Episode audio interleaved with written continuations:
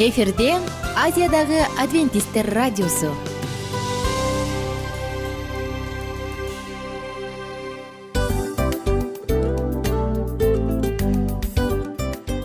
Достор салют. Баардык сүйүктүү угармандарыбызга салам айтабыз. Кутман күнүңүздөр менен. Ден соолук өмүрдүн булагы демекчи саламат саамы программасында баарыңыздарды көргөнүбүзгө абдан кубанычтабыз. Анда алгач амандашып өтөлү арбаңыздар деп. Ден соолугуңуздар кандай элибизде көбүнчө ден соолук кандай дегенде эле жакшы деп жооп беребиз э? ооруп турсак дагы жакшы дейбиз. Анан мен муну айтып ойлойт элем бул абдан сонун сөз депчи анткени бул жакшы деген үмүт да э ооба баары жакшы болот. Баары сонун. Деп үмүттөнүп атып эле өзүбүздү өзүбүз дарылап коебуз.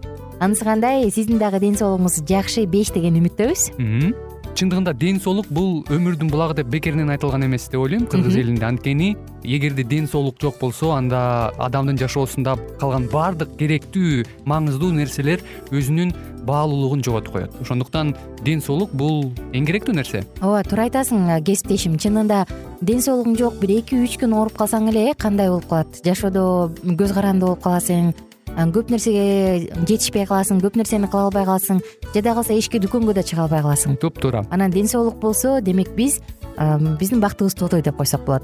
Анда достор саламат саамы рубрикабызды баштайлы. Алдыда өзүңүзгө керектүү болгон сонун кеңештерди уга аласыздар. Мына ошондуктан биз менен бирге болуңуздар. Ал эми биз болсо милан жана айнура.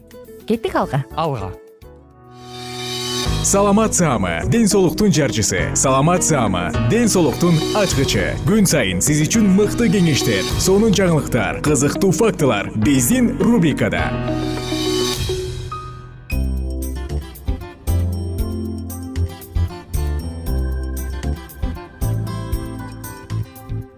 Кутман күнүңүздөр менен достор жалпы биздин угармандарыбызга жана жыштыгыбыздын ар бир туруктуу угарманына сүйүктүү досторубузга салам айтабыз сиздер менен бирге саламат саама рубрикасындамын. Жана бүгүнкү темабыз бөйрөк оорубашы үчүн же бөйрөктүн саламаттыгы үчүн деп аталат. Достор бөйрөк албетте ар бир адам үчүн өтө маанилүү керектүү орган. Бул боордон кийинки ууну организмдеги токсиндерди тазалоочу экинчи чоң маанилүү орган. Ошондуктан бөйрөктүн камкордугун көрөм десеңиз анда бизди угуңуз жана биздин ар бир айтылган маалыматтарыбызды жүрөгүңүздүн түпкүрүнө сактап алыңыз. Анда эмесе алдыны көздөй жөтүнөдүк достор биз сиздер менен бирге саламаттуу дене деген жакшынакай циклды андан ары улантып атабыз. Дал ушул саламаттуу денеде адамдын ар бир органы ар бир организми ар бир керектүү органы жөнүндө сонун маалыматтар жазылган. Негизи кээде бир аз ооруп калганда биз дароо эле оорукананы көздөй жүгүрөт эмеспизби э? Андан көрө эмнеге ооруп атат? Эмне ооруп атат? Жана эмне үчүн ооруп атат?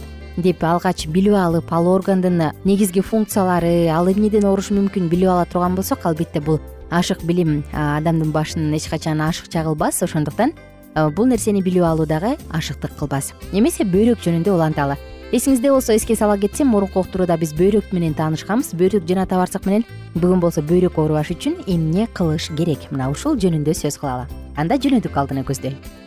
Бөйрөк оорубашы үчүн көбүрөөк суу ичкиле деп сунушташат. Анткени бөйрөккө суу абдан керек. Себеби дегенде бөйрөк биздин организмде калган отходдорду калган таштандыларды же ууларды бөлүп чыгарат. Ошондуктан адамдын организминде суу канчалык аз болсо демек бөйрөктөргө ошончолук көбүрөөк күч керек. Ал баягы токсиндердин баарын алып чыгарыш үчүн ушунчалык көбүрөөк күч жумшайт. Эгерде адамдын организминде суу жетиштүү болсо анда демек бөйрөктүн дагы жумушу өтө көп кыймылбайт эртең менен ач карын жана тамак ичээрден мурун суу ичиш керек. Ал эми түнчүндө улам улам дааратканага туруп ойгоно бербеш үчүн жатаардан мурун үч төрт саат эртерээк суу ичип алган туура болот өзгөчө жашы өтүп калган мырзалар э ал жакта эгерде простата чоңоюп калган болсо анда дал бул мырзалар түнкүсүн дааратканага туруп барыш үчүн үч төрт саат ал эмес беш саат мурун суу ичиш керек андан кийин ичпеши керек. Эгерде бөйрөк ооруй турган болсо анда зара кубалоо зараны чыгарууда дагы кыйыныраак болот. Ошондуктан мындай мырзалар мындай адамдар деги эле бөйрөгү ооруган адамдар доктур менен кеңешип анан доктурдун айтканы боюнча баардык кыймыл аракетин көрсө туура болот.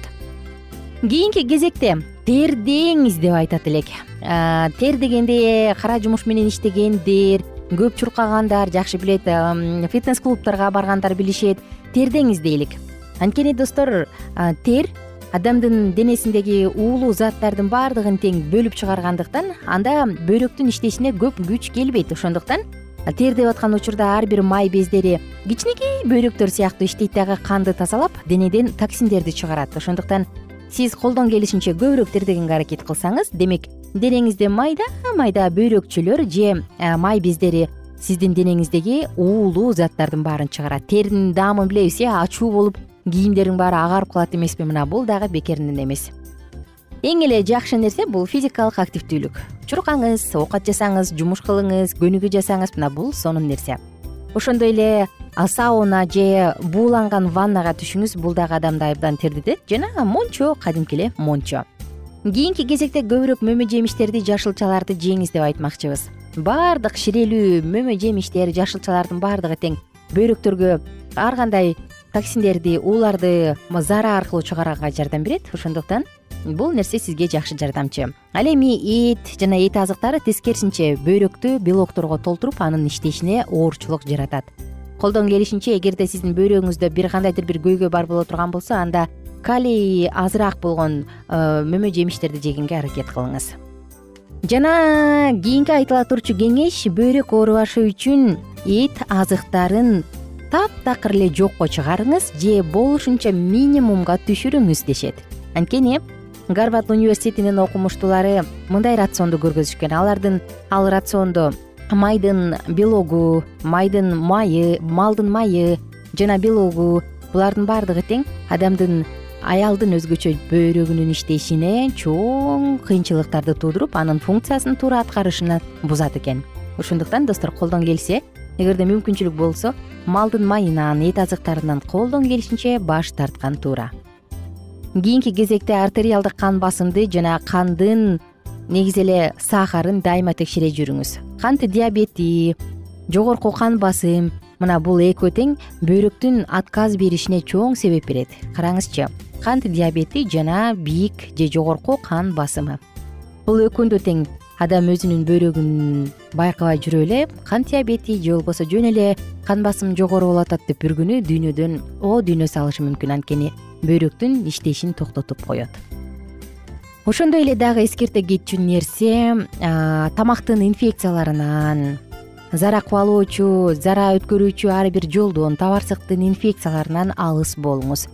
Тамактын сезгениши бул фарингит же миндалиндердин оорушу сезгениши буну тансилит деп коебуз. Булардын баардыгын тең стриптококуктук бактериялар чакыргандыктан мунун баардыгы бөйрөккө чоң зыян алып келет. Ал эми пенцилин же ушул сыяктуу антибиотиктер албетте бактерияларды жакшы бактерияларды жок кылып адамдын организмин жакшы коргоп айыктыра алат бирок алар дагы сөзсүз түрдө адамдын бөйрөгүнө ден соолугуна чоң залалын тийгизет. Биз буюрса алдыда дагы сөз кылабыз. Кантип тамакка кам көрүш керек? Мурунку уктуруулардын биринде айтканбыз мына ушул маалыматтардан угуп карап анан өзүңүздүн тамагыңызга туура кам көрсөңүз болот.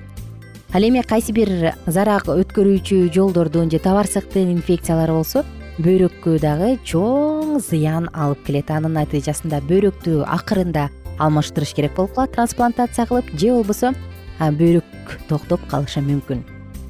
Эгерде бөйрөк ооруйбу бөйрөгүм ооруйбу же жокпу деген суроо берип калган болсоңуз анда сөзсүз бул нерселерге көңүл буруңуз. Эгерде заарада кан бар болгон болсо түнкүсүн тез тезден дааратканага барсаңыз анан заара кайсы гана учур болбосун дайыма тунук болуп турса таза болуп турса же болбосо тердегенден кийин деле ал таза болсо жана көздүн алды беттер негизи эле адам көбүрөөк шиший турган болсо анда сөзсүз түрдө доктурга барып кеңеш алыңыз мүмкүн сиздин бөйрөгүңүздө көйгөй бардыр. Мен болсо сиздер менен коштошом кайрадан амандашканча күнүңүздөр көңүлдүү улансын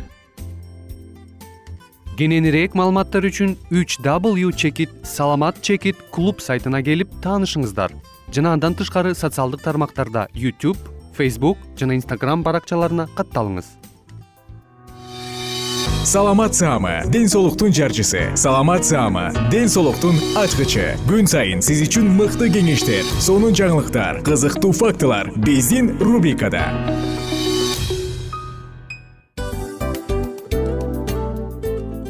салам достор.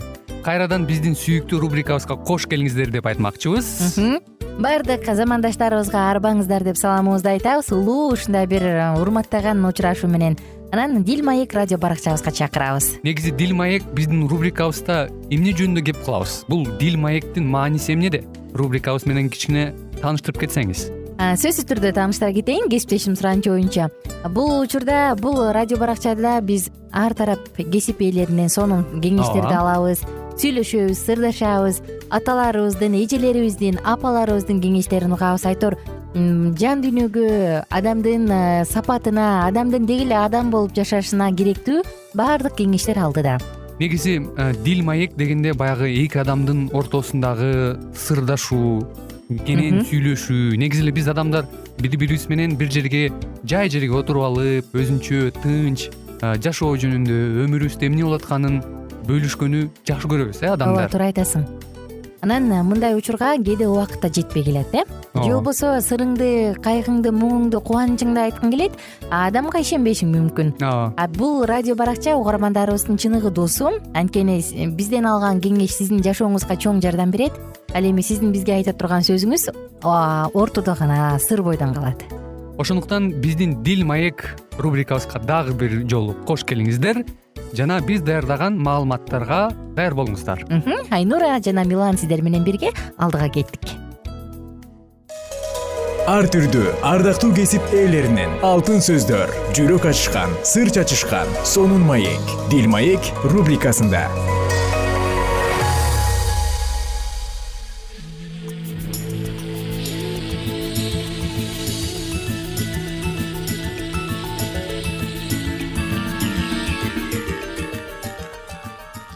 амансыздарбы ардактуу радио угармандарыбыз. Кайрадан эле биз сиздер менен бүгүнкү программабыздын чыгарылышында сөз кыла турчу темабызды тактап айтып өтүп кыргыз элибиздин каада салттары жана үрп адаттары туурасында бүгүнкү уктуруубузда сөз кылмакчыбыз. Кыргыз эли эзелтеден каада салт үрп адаттарына өтө аяр мамиле кылып келген. Андыктан бүгүнкү программабызда биз сиздер менен кыргыз элинин каада салт үрп адаттарынын ичинен бул өзгөчө аздектеп э, жарык дүйнөгө жаңыдан көз ачып келген наристенин төрөлүшүнө кандай маани берип келишкен ушул туурасында бүгүнкү уктуруубузда сөз кылмакчыбыз. Ал эми сиздер болсо биздин одон алыстабай биз менен биргеликте болуңуз. Алгач кыргыз эли калыптануу процесси өтө татаал жана эки миң жылдан ашуун убакытка созулган кыргыз эли этнос болуп калыптангандан бери тарыхтын татаал жолун басып өтсө да улут катары өзгөчө өзгөчөлүктөрүн сактап бүгүнкү күнгө өз маданиятына руханий байлыгына ээ көз карандысыз эгемендүү мамлекетке айланды. Ошондой эле урматтуу угармандарыбыз өзгөчөлүктөр дегенибиз бул ошол эле улуттун тили маданияты каада салты эмеспи башка элдерден айырмаланып кыргыздардын бай маданияты мурасы каада салттары менен айырмаланып турат десек эч убакта жаңылышпайбыз ата бабаларыбыз илгертен өзүнүн турмуштук түшүнүктөрүн дүйнө таанымын билдирген элдик каада салттары үрп адат ырым жырымдарын жаратты. Бирок эгемендүүлүккө ээ болгонго чейин учурунда айрым саясий көз караштардын таасирине кабылып бир топ өзгөчөлүктөргө жаңыланууга дуушар болгон. Андыктан кыргыз элинин өзгөчө мүнөздүүлүгүнө булар кирет коомдогу үй бүлөлүк мамилелерге олуттуу маани берип келишкендиги зарыл. Себеби ар бир кыргыздын үй бүлөсүн башынан аяк ар кандай ырым жырым үрп адат каада салттар коштоп келген. Мисалга баланын төрөлүшүнөн тартып аны тарбиялоо эрежеге жеткирип үйлөндүрүп жайлантып өзүнчө энчип өлүп берүү андан ары орун очок алып акыркы о дүйнөгө сапар алышында түрдүү каада салттар күнүмдүк турмуштун мыйзам ченемдүү көрүнүштөрү катары кабыл алынып калган. Таалим тарбиялык мааниси зор. Бул каада салттар кыргыз элинин маданиятынын бир жагын көрсөтө алат. Адам баласынын коштоп жүргөн ар кандай ырым жырым салт санаалар ар бир үй бүлөдө өзүнүн тарабына ылайык тигил же бул деңгээлде кеңири колдонулат кыргыз элинин дагы бир өзгөчөлүгүнүн бири болгон бул кыргыздарда үй бүлөнүн жаралышы этнос болуп калыптангандан тартып эле улуттук түзүлүштөн баштап мамлекеттик деңгээлдеги үй бүлөлүк мамилелердин түзүлүшүнө чейин эле болгондугун тарыхый маалыматтардын негизинен биле алабыз. Демек кыргыздарда үй бүлө жаатына өтө маани берип келишкен улуттук түзүлүштөрдө жашап аймакташ болуп тууган туушкандык мамилелер түзүлгөн десек эч убакта жаңылышпайбыз андан сырткары дагы кыргыздардын улуттук түзүлүшү үй бүлө жана нике мамилелерине өзүнүн терең таасирин тийгизип келген. Илгертеден эркек адамдар мал жандуу жана бай гана болбостон балалуу болуш керек деген түшүнүктү дагы калыптандырып келишкен. Кыргыз элинде баласыз үй бүлө үй бүлө деп эсептелген эмес. Ошондуктан элибизде балалуу үй базар баласыз үй мазар деп бекеринен айтылбаса керек.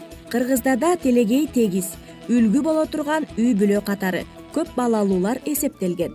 Өзгөчө эркек балалуу болбой калган адамдар өзүн абдан бактысыз сезип кыз баласы болсо да артымда калган туягым жок менин тукумумду улаарым жок деп зар какшап өткөн. Ушул идеологияны кармап келген айрым түшүнүктөр балалуу болууга болгон аракеттерин ар кандай ырым жырым үрп адаттар менен коштолгон андыктан баланын жарык дүйнөгө келиши үй бүлөнү зор кубанычка жана бакытка бөлөгөн десек болот. Баланы эң биринчи колуна алып киндигин кескен аял киндик энеси деп аталган. Ошол эле киндик эне жакшы каалоо тилек менен кайгы куулду бөбөк бакыттуу уулду бакыт нуру балбылдайт кыз бекен же уул бекен кырк жылкысын кыз болсоң урматыбыз уул болсун. Киндик энең мына мен оозан тайын толгонсоң деп сары май менен ымыркай баланы оозантып келишкен. Мына ошентип кыргыз элинин кичинекей наристенин жарык дүйнөгө келишине өтө аяр мамиле кылып аздектеп келген десек дагы болот. Баланын ата энесине тууган туушкандарына жынысын айтып сүйүнчүгө козу улак акча тыйын алып өз ырымын жасашкан.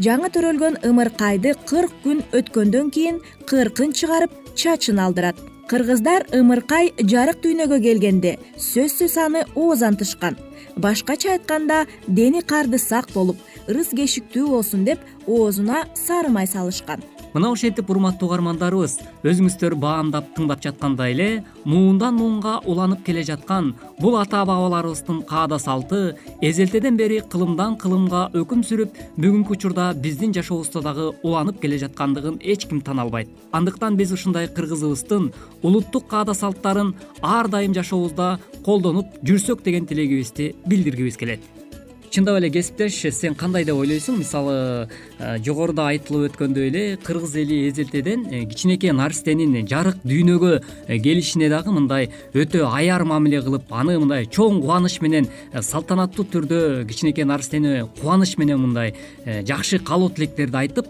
кичинекей ымыркайдын жашоосуна албетте жакшы баталарын тилеп баягы киндик энеси дагы жогоруда айтылгандай эле сары май менен оозандырып келечеги кең болсун дегендей ошондой эле Э, баягы өмүрү майлуу сүттүү болсун деген э, тилектерди айтып келишкен экен да.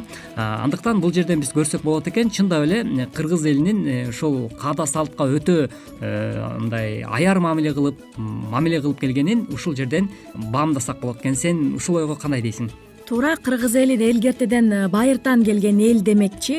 Чын эле бул нерселер кыргыздарда өтө көп. Э, бир гана бала төрөлгөндө эле эмес ар бир бала төрөлгөндөн баштап аны акыркы сапарга узатканга чейин аябай көп ырым жырымдар коштолот мисалы илгери ымыркай жаңы төрөлгөндө эле. Ага энесинин эмчек сүтү менен уда чоң энеси же тайэнеси мурдатан карынга куюп даярдап койгон сары майдан оозантышкан бул ырым менен баланын өмүрү майлуу сүттүү болсун.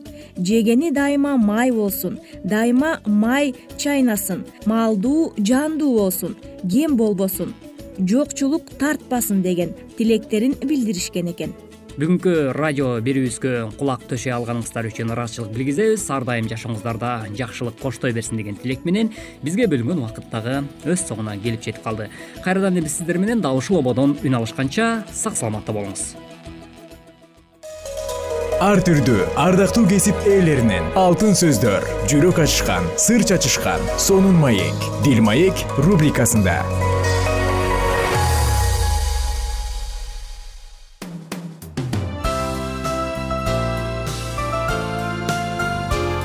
эфирде азиядагы адвентисттер радиосу.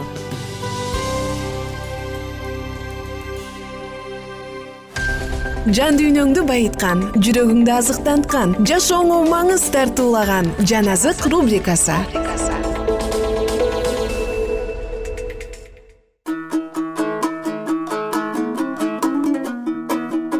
Кутман күнүңүздөр менен жалпы биздин замандаштарыбыз жан азык уктуруусу жана бүгүн сиздер менен ырдын ыры деп аталган китепти улантабыз.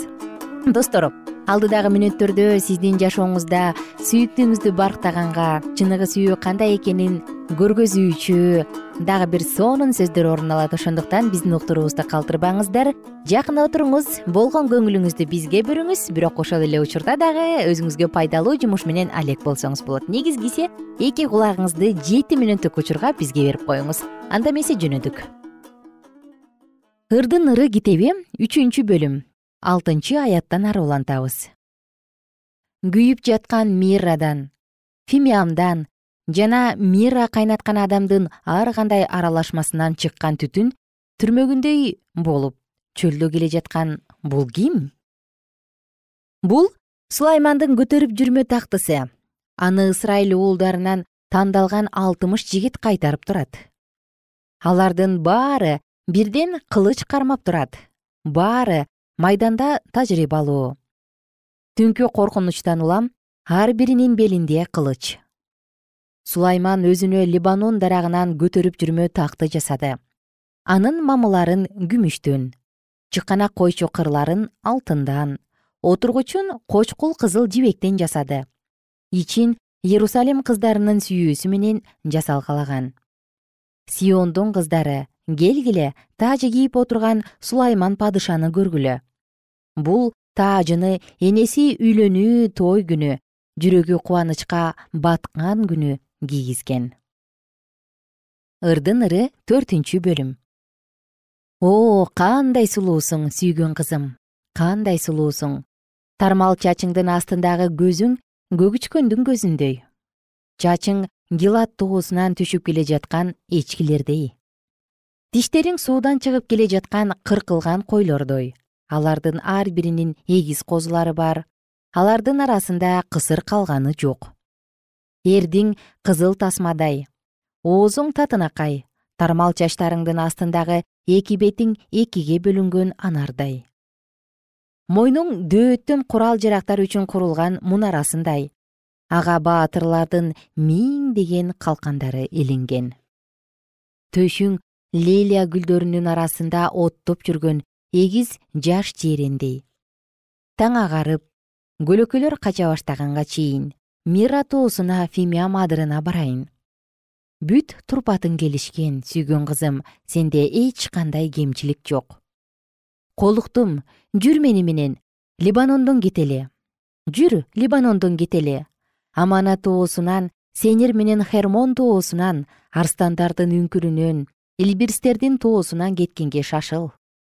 Сен менен жүрөгүмдү туткундап алдың карындашым колуктум. Сен менин жүрөгүмдү көз карашың менен эле мойнуңдагы шуруң менен эле туткундап алдың. О сенин сүйүүң теңдешсиз карындашым колуктум. Сенин сүйүүң шараптан таттуу. Сенин аңкыган жытың бардык жыпар жыттуу заттардан жыттуу. О колуктум оозуңдан тартылбаган бал тамат. Тилиңдин асты бал менен сүт. Кийимиңдин аңкыган жыты либанондун аңкыган жытындай. Карындашым колуктум кулпуланган баксың бекитилген кудуксуң мөөр басылган булаксың. Сенин көчөт отургузулган багың сонун мөмөлүү анар багы шиңгил мөмөлүү кипер бадамы нарт заапардан айыр дарчин ар кыл жыпар жыттуу бактарактар мира алой ар кандай эң сонун жыпар жыттуу өсүмдүктөрдөн өскөн бак. Сен бак ичиндеги булаксың тирүү суусу бар кудуксуң. Либанон тоосунан агып түшкөн суусуң. Ойгон түндүк шамалы кел түштүк шамалы. Менин багыма сок ошондо анын жыты жыпар жыты аңкыйт сүйгөн жигитим өзүнүн багына келсин анын ширин мөмөлөрүнөн жесин. Ырдын ыры бешинчи бөлүм. Мен өз багыма келдим карындашым колуктум.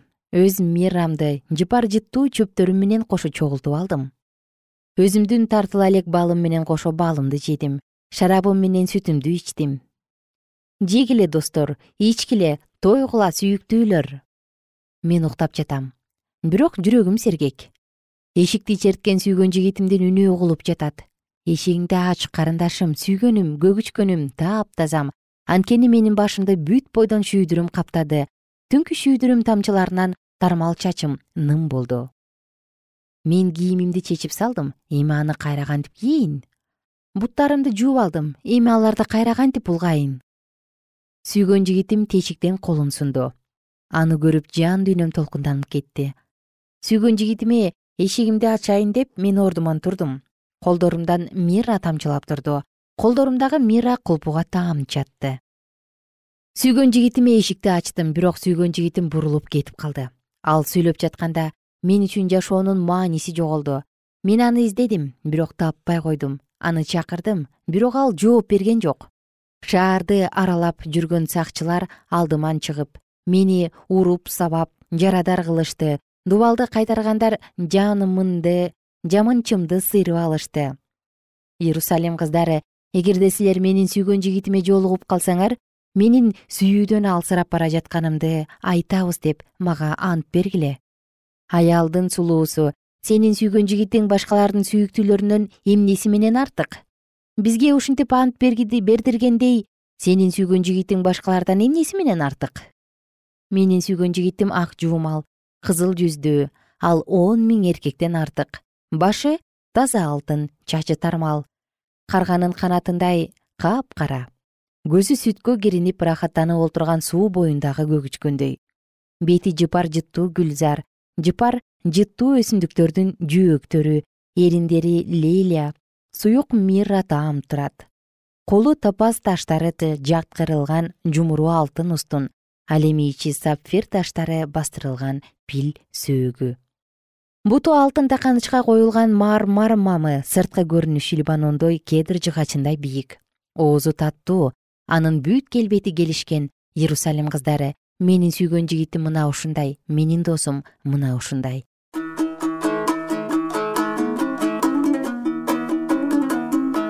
достор биз сиздер менен кийинки уктуруудан үн алышабыз эгер сиздерде суроолор болсо же көбүрөөк маалымат билем десеңиз анда биздин whatsapp номерибизге жазыңыз. Плюс бир үч жүз бир жети жүз алтымыш алтымыш жетимиш. Кайрадан плюс бир үч жүз бир жети жүз алтымыш алтымыш жетимиш